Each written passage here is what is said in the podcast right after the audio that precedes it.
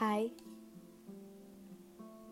Mungkin seperti yang udah kalian dengar di episode sebelumnya Yang gue bingung gue mau ngomong apa Jujur sampai hari ini pun gue bingung gue mau ngomong apa Apa ya?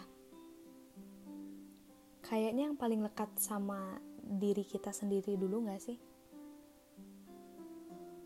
Tapi kalian salah kalau kalian tebak gue bakal ngobrolin tentang keluarga, pacar, sahabat, atau temen. Karena banyak orang yang gak sadar, harusnya yang kita prioritasin itu diri kita sendiri. Jujur banget, gue berat untuk ngebahas ini karena gue pun kadang memprioritaskan dulu orang lain.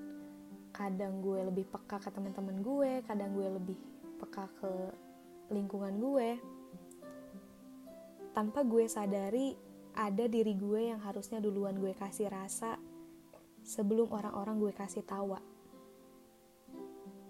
Lo pernah gak sih sayang sama seseorang? Even dia sahabat lo, temen lo, atau mungkin pacar lo? Kayaknya kalau keluarga sih pasti sayang ya. Tapi gini, lo memprioritaskan mereka, lo mau dibuat nangis sama mereka, mau dibuat khawatir, tanpa lo mikirin diri lo sendiri. Terus nanti lo bilang, tapi kan namanya juga cinta. Cinta ya cinta, dongo jangan. Kadang gue ngerasa gue tuh beruntung jadi sosok perempuan yang mandiri dalam beberapa hal. Bisa ngelakuin ini itu sendiri yang gak bikin gue tergantung sama satu orang atau satu hal. Kita balik lagi ngebahas love yourself ya. Masuk 2020, resolusi gue yang pertama adalah gue harus keluar dari circle toxic. Apa pun itu.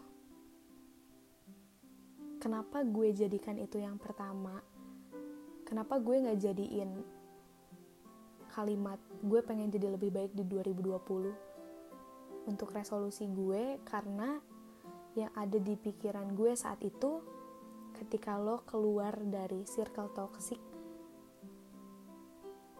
itu artinya lo sayang sama diri lo sendiri dan lo bakal jadi lebih baik karena itu Iya gak sih?